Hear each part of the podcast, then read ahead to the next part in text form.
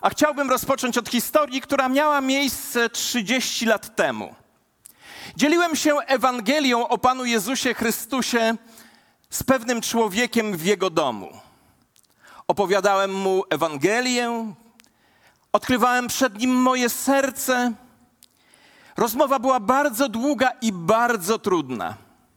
Miałem wrażenie, że rzucam przysłowiowym grochem o ścianę. W pewnym momencie zmęczony powiedziałem: Już nie jestem w stanie Tobie nic więcej powiedzieć. Dlatego pomodlę się. Modlitwa zawsze jest dobrym pomysłem. Zacząłem więc modlić się i w trakcie modlitwy odczułem coś, czego nigdy wcześniej nie odczuwałem. Miałem, otrzymałem takie przekonanie, że mam przerwać tę modlitwę i powiedzieć następujące zdanie: Diable, jeśli tu jesteś, to nakazuję ci, abyś się objawił. I uczyniłem to. I to, co się stało, było dla mnie zaskoczeniem, ponieważ nigdy wcześniej w czymś takim nie uczestniczyłem. Tego człowieka skręciło w sposób nienaturalny, a z jego ust popłynął dziwny i nienaturalny nie jego głos. To, co wiedziałem z Biblii, to to, że z diabłem się nie dyskutuje, z demonami się nie dyskutuje, tylko im się nakazuje w autorytecie Jezusa Chrystusa, co też uczyniłem, mówiąc: Rozkazuję ci w imieniu Jezusa, abyś go opuścił. Na to on mi odpowiedział: Wyjdę z niego, ale wejdę w ciebie. No to ja mu powiedziałem: We mnie wejść nie możesz, bo ja należę do Jezusa Chrystusa. A on mi odpowiedział: Nie używaj tego imienia bo nie będę z Tobą rozmawiał. Tu przerwę tę historię, bo nie zdziwię się, jak niektórzy z Was nie wierzą w to, co teraz opowiadam, choć historia ta w stu procentach jest prawdziwa i mam na to świadka, dla którego to też było pierwszym doświadczeniem. Demony są i posłuchajcie uważnie. Ty wierzysz, że Bóg jest jeden? Pięknie. Demony również wierzą i drżą. Tym wierszem z serii, z tym wierszem wracamy do kazań z serii Jak żyć wiarą, a nie religią, do serii opartej o list Jakuba, a dzisiejszy odcinek zatytułowałem w bardzo dziwny sposób. Czego możemy nauczyć się, albo czego uczy nas wiara demonów? Czego uczy nas wiara demonów. Posłuchajmy raz jeszcze tego fragmentu, który odnosi się do jednej z bardziej fundamentalnych prawd chrześcijańskiej wiary. Odnosi się do prawd, w, które w którą także wierzą demony. Ty wierzysz, że Bóg jest jeden? Pięknie. Demony również wierzą i drżą. Zobaczmy to wyraźnie. Demony również wierzą w Boga, a nawet wierzą w jedynego Boga, a jednak ta wiara ich nie uratuje. Ta wiara ich nie zbawi, ta wiara ich nie doprowadzi do wieczności w niebie. Przeznaczeniem ich jest wieczne potępienie, tak mówi o tym Boże Słowo. I wygląda na to, że istnieje taki rodzaj wiary, która nie prowadzi do nieba. Powiem to inaczej istnieje coś takiego jak demoniczna wiara, która nie jest wiarą w demony, ale jest prawie dokładnie albo dokładnie taka, jaką, jak wiara, jaką mają demony. Demony są istotami duchowymi, które zostały stworzone przez Boga, aby mu służyć. Pierwotnie, jak wiemy z Biblii, były, były to dobre anioły. Byli, byli, były one dobrymi aniołami, które dołączyły do Lucyfera w jego buncie przeciwko Bogu. A dzisiaj Dzisiaj służą szatanowi w realizacji jego złych planów względem nas, ludzi. Diabeł już jest totalnie pokonany, ale wiedząc, że jest pokonany i będąc w odwrocie, stosuje, wycofując się, taktykę spalonej ziemi. Dokładnie tak, jak taką ilustrację można użyć z historii II wojny światowej, gdzie pod Stalingradem potęga niemiecka została złamana Wiadomo było, że już zwycięstwo jest osiągnięte, natomiast wycofujący się wróg robił wszystko, żeby zostawić jak największe zniszczenie, i dzisiaj to próbuje robić diabeł i jego demony. I żeby wyciągnąć lekcję z wiary demonów, chciałbym dzisiaj postawić cztery bardzo ważne pytania. Pierwsze pytanie: w co wierzą demony? Po pierwsze, z listu Jakuba dowiadujemy się, że demony wierzą, że Bóg jest jeden. Wiara w jedynego Boga to fundamentalna prawda Biblii. Słuchaj Izraelu. Pan nasz Bóg, Pan jest jeden. Ten werset oznacza, że Bóg jest tylko jeden, a my ludzie mamy go kochać z całego serca. To, w co w tej kwestii wierzą demony, jest stuprocentową prawdą biblijną. Wśród demonów nie ma ateistów, sceptyków, liberałów i agnostyków.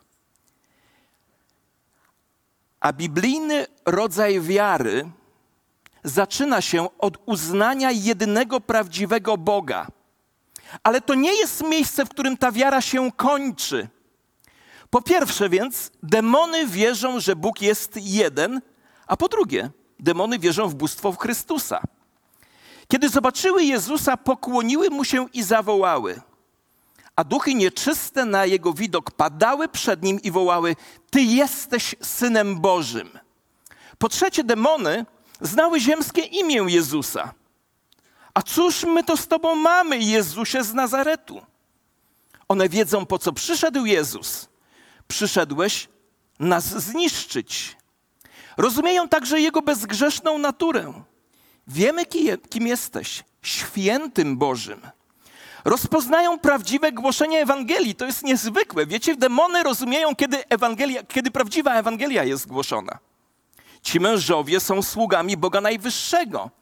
Oni głoszą wam drogę zbawienia. Historia z dziejów apostolskich. Ale także potrafią rozpoznać fałszywe głoszenie Ewangelii. Jezusa znam i wiem, kim jest Paweł, powiedział demon. Lecz wy kim jesteście? To do synów pewnego kapłana. One wierzą w wieczne potępienie. Demony, które opętały człowieka mieszkającego w grobowcach, błagały Jezusa, aby nie wysyłał je do otchłani, do miejsca ostatecznej kary.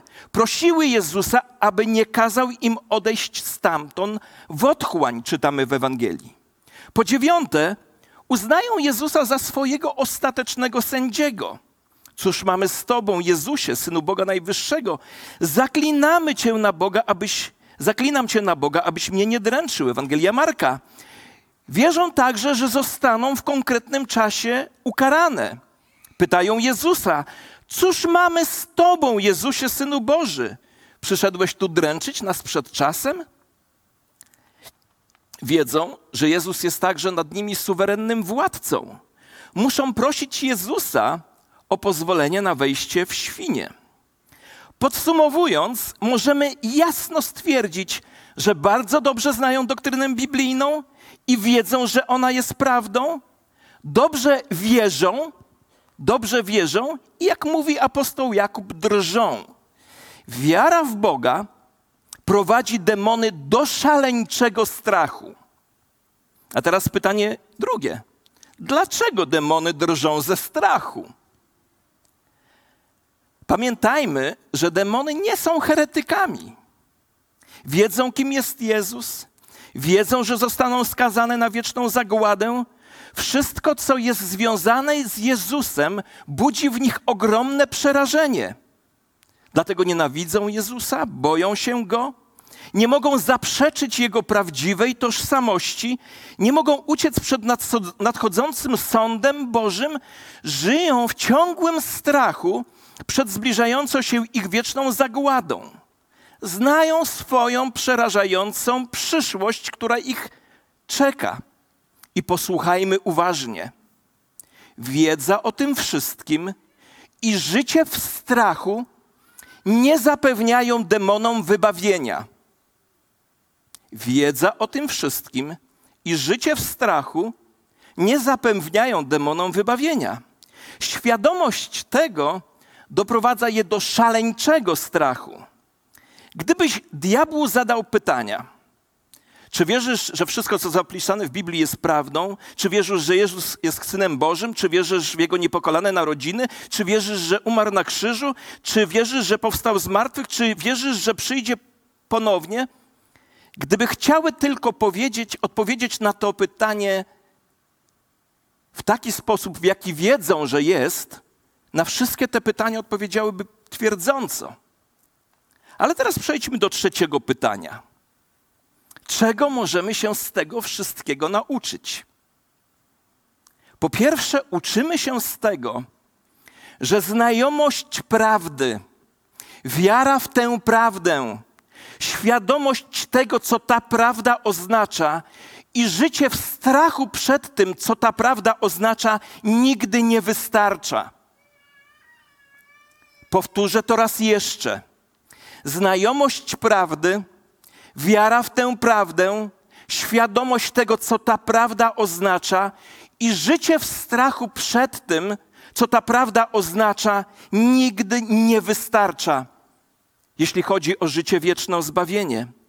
Apostoł Jakub zachęca, abyśmy pomyśleli i zastanowili się nad tym, że demony wierzą, drżą, a jednak są skazane na wieczną zagładę.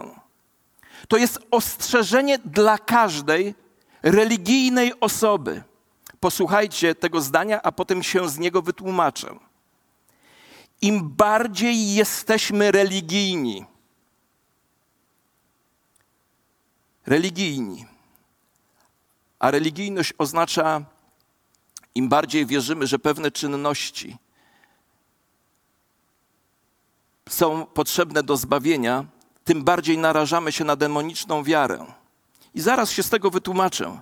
Ja sam urodziłem się w religijnej rodzinie i naprawdę odebrałem w związku z tym wiele błogosławieństw.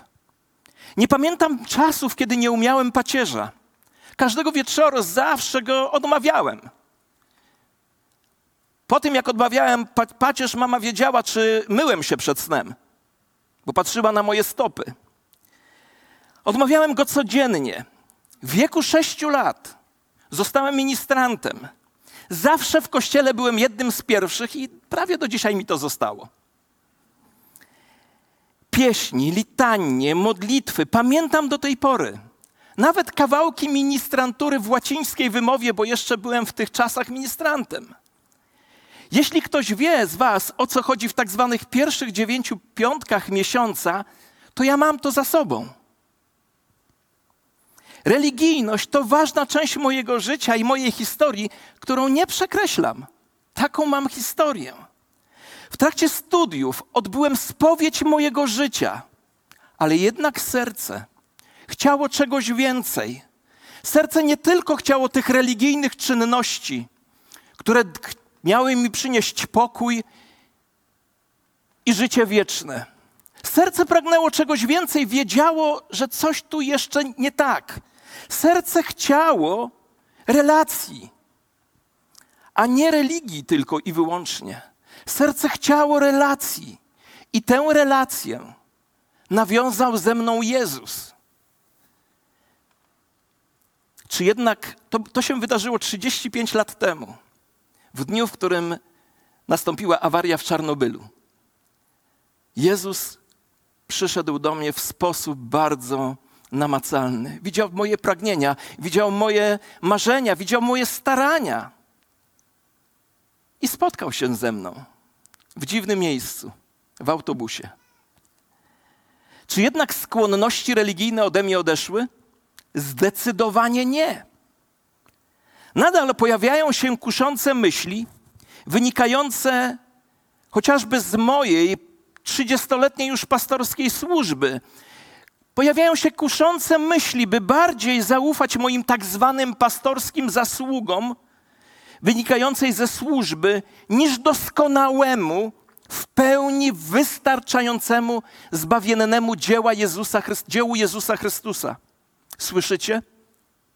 Nadal mam pokusy, by bardziej zaufać mojej trzydziestoletniej pastorskiej służbie niż doskonałemu dziełu Jezusa Chrystusa. To jest pokusa religii.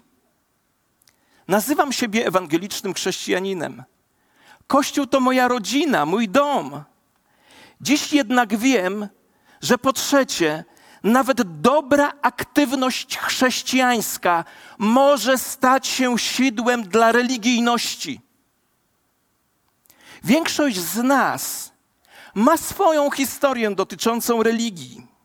Dobrze jest, jest mieć historię. Wspaniale być częścią dobrego kościoła, jednak jeśli myślisz, że ze względu na pochodzenie religijne, jakąś aktywność chrześcijańską, czy nawet manifestację darów Ducha Świętego przez Ciebie, czy wiedzę, czy poprawność teologiczną pójdziesz do nieba, to jesteś w wielkim błędzie. Jeszcze raz.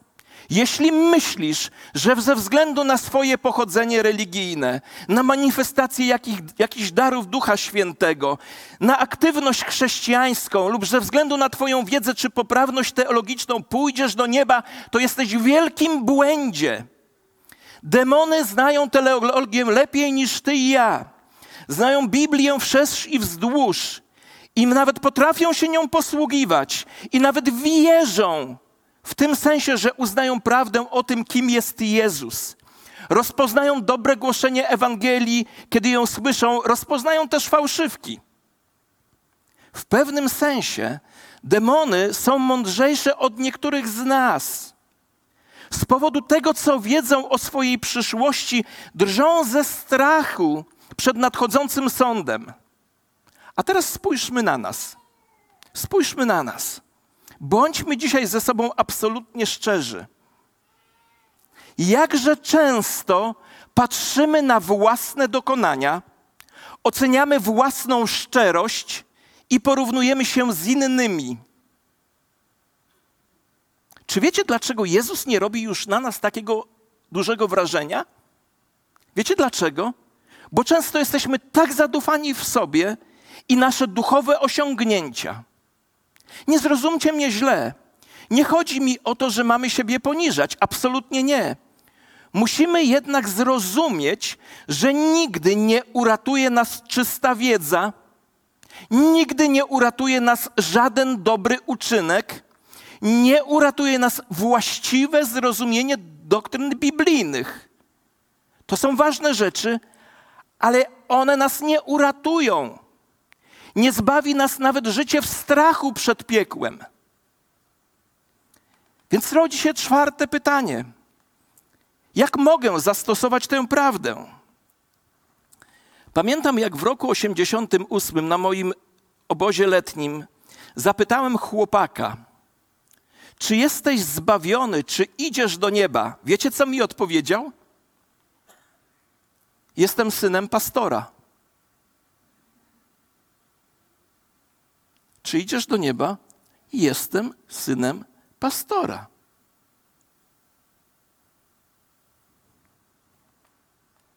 Czego więc potrzebujemy?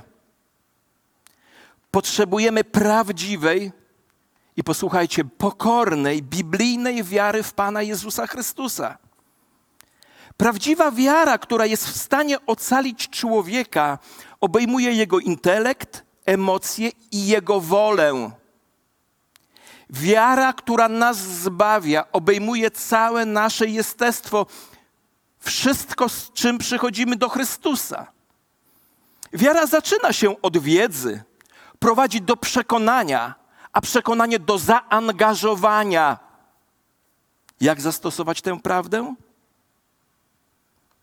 Historia, którą chcę dzisiaj zakończyć, jest mi znana od pierwszego chrześcijańskiego obozu, na którym byłem w 1986 roku, i na tym obozie tę historię usłyszałem, a niedawno przeczytałem ją w kazaniu człowieka, który zainspirował mnie do przygotowania tej serii nauczania.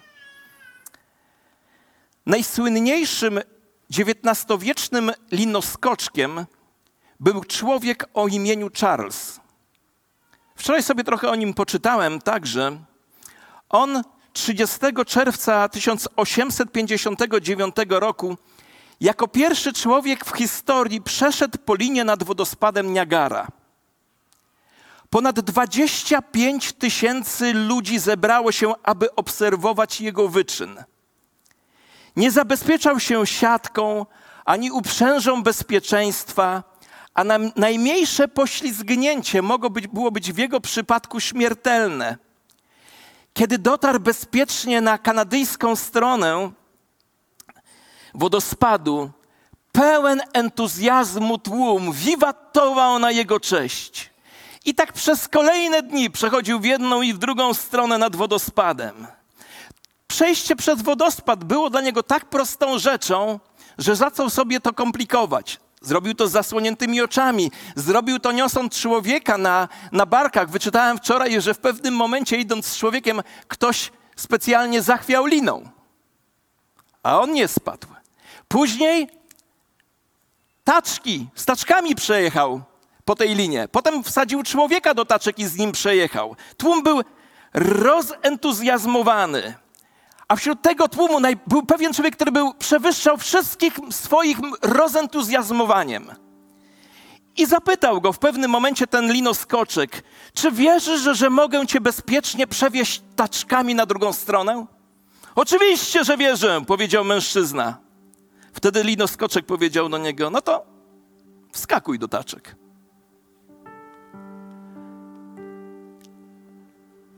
Ale słysząc konkretną propozycję wejścia do taczek i przeprawy na drugą stronę, mężczyzna stanowczo odmówił. Kochani, jedna rzecz to wierzyć, że człowiek może przejść sam z taczką na drugą stronę. Inna rzecz to wierzyć, że może kogoś innego bezpiecznie przewieźć na drugą stronę. Ale czymś zupełnie innym, absolutnie innym, odmiennym jest podjęcie tego wezwania, tego wyzwania osobiście. Niełatwo jest wsiąść do owych taczek. Na tym polega różnica między wiedzą, przekonaniem, a zaangażowaniem. Nie pokładaj nadziei w swoim religijnym pochodzeniu, choć może być ono bardzo cenne i powinieneś być za nie być wdzięczny. Nie pokładaj nadziei w swojej teologicznej wiedzy, choć jest ona niezmiernie ważna i warto mieć właściwą wiedzę teologiczną. Nie pokładaj nadziei w swoich aktywnościach religijnych, chrześcijańskich, dobroczynnych, choć one są ważne i warto je wykonywać. Prawda jest taka, że jeśli Jezus nie przewiezie ciebie do nieba, to w inny sposób się tam nie dostaniesz. Jeśli Jezus nie przewiezie ciebie do nieba, to w inny sposób się tam nie dostaniesz.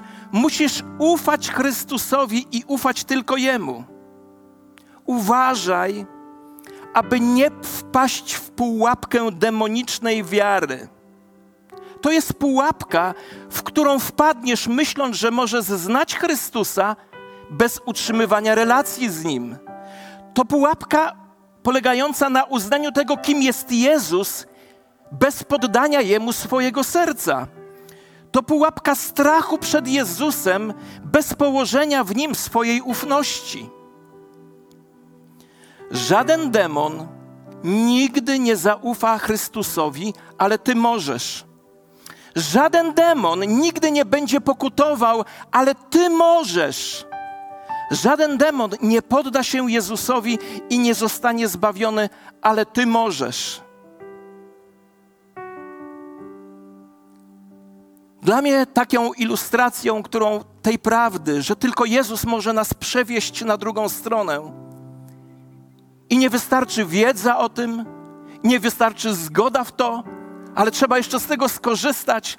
Dla mnie za każdym razem, kiedy wsiadam do samolotu, a uwierzcie mi, Rzadko mi się zdarza nie bać wsiadać do samolotu, chociaż latałem około 200 razy. Za każdym razem, gdy wchodzę, wiem jedną rzecz. Nie jestem nic w stanie zrobić, żeby dolecieć na drugą stronę. Nic. Nawet nie silę się, żeby pilotowi rady udzielać. Zawsze się modlę o niego. Ale nie jestem w stanie nic zrobić. Wiecie, co mogę zrobić? Zaufać w jego umiejętności. I tyle, poddać się temu. Gdyby dzisiaj był tutaj apostoł Piotr między nami, I gdybyś go zapytał, zapytała, jak mogę wsiąść do tych taczek, które mnie przewiozą do nieba, odpowiedziałby bardzo prosto, powtarzając za Jezusem: Pokutuj i daj się ochrzcić. Co to znaczy pokuta? Pokuta zawsze znaczy przyznać Bogu rację. Przyznać Bogu rację co do tego, że jesteśmy grzeszni, przyznać Bogu rację do tego, że sami nie jesteśmy w stanie się zbawić, przyznać Bogu rację, że żadna religia nie prowadzi do nieba, przyznać Bogu rację, że tylko w Jezusie jest zbawienie i skorzystać z tego. To jest pokuta. A jak skorzystać? Apostoł Piotr prosto powiedział: Pokutujcie, czyli przyznajcie Bogu rację i dajcie się ochrzcić, bo chrzest jest takim wejściem do taczek. Być może słuchasz tego przesłania od wielu, wielu lat. Ale dzisiaj Duch Święty otworzył Twoje serce. A może dzisiaj słyszysz to pierwszy raz. I może jest to dla Ciebie coś nowego, ale czujesz, że to jest to. Chrystus chce Cię przewieźć na drugą stronę. Przyznaj Mu rację, daj się ochrzcić. I jak mówi Boże Słowo, będziesz uratowany Ty i także będziesz świadectwem dla Twojego domu. Dzisiaj jest dzień zbawienia. Sama wiara nie wystarczy, sama wiedza nie wystarczy, żadne aktywności nie wystarczą. Jeśli chodzi o zbawienie, nie mają żadnego znaczenia. Przyznaj Bogu rację, daj się oszcić, a będziesz zbawiony. I dzisiaj to jest Twoja decyzja. Nikt za nią, za Ciebie tej decyzji nie podejmie. To jest oferta miłości.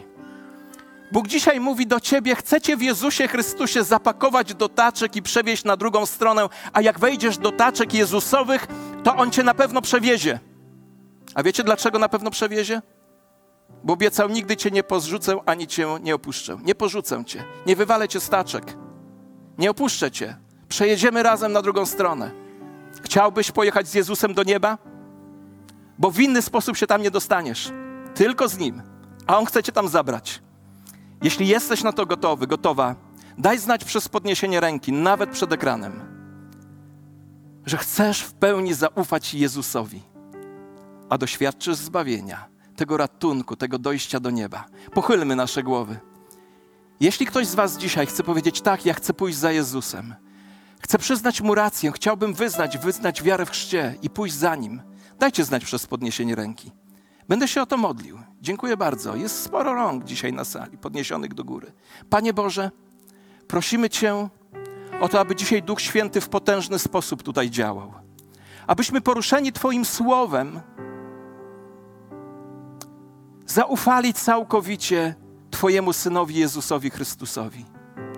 Panie Jezu, dziękujemy Tobie za to, że umierając na krzyżu, zapłaciłeś za wszystkie nasze grzechy Ciężar naszych win wziąłeś na siebie, a dzisiaj wzywasz nas, żebyśmy przyszli w Twoje ramiona, przyznając Tobie rację, wyznając swoją wiarę w chrzcie i idąc za Tobą, a w zasadzie dając się wieść przez Ciebie do końca naszych dni.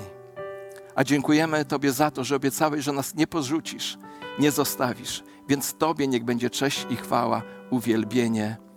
Amen. A jeśli pod wpływem tego słowa pokutujesz, czyli przyznajesz Bogu rację, że jesteś grzesznym człowiekiem, że sam nie jesteś w stanie się zbawić, że potrzebujesz Chrystusa i chciałbyś wyznać tę wiarę w chrzcie, tak jak powiedział Jezus, po nabożeństwie możesz podejść do mnie lub do punktu informacyjnego i porozmawiać tam z kimś o tym właśnie, co Bóg Tobie oferuje. A teraz powstańmy.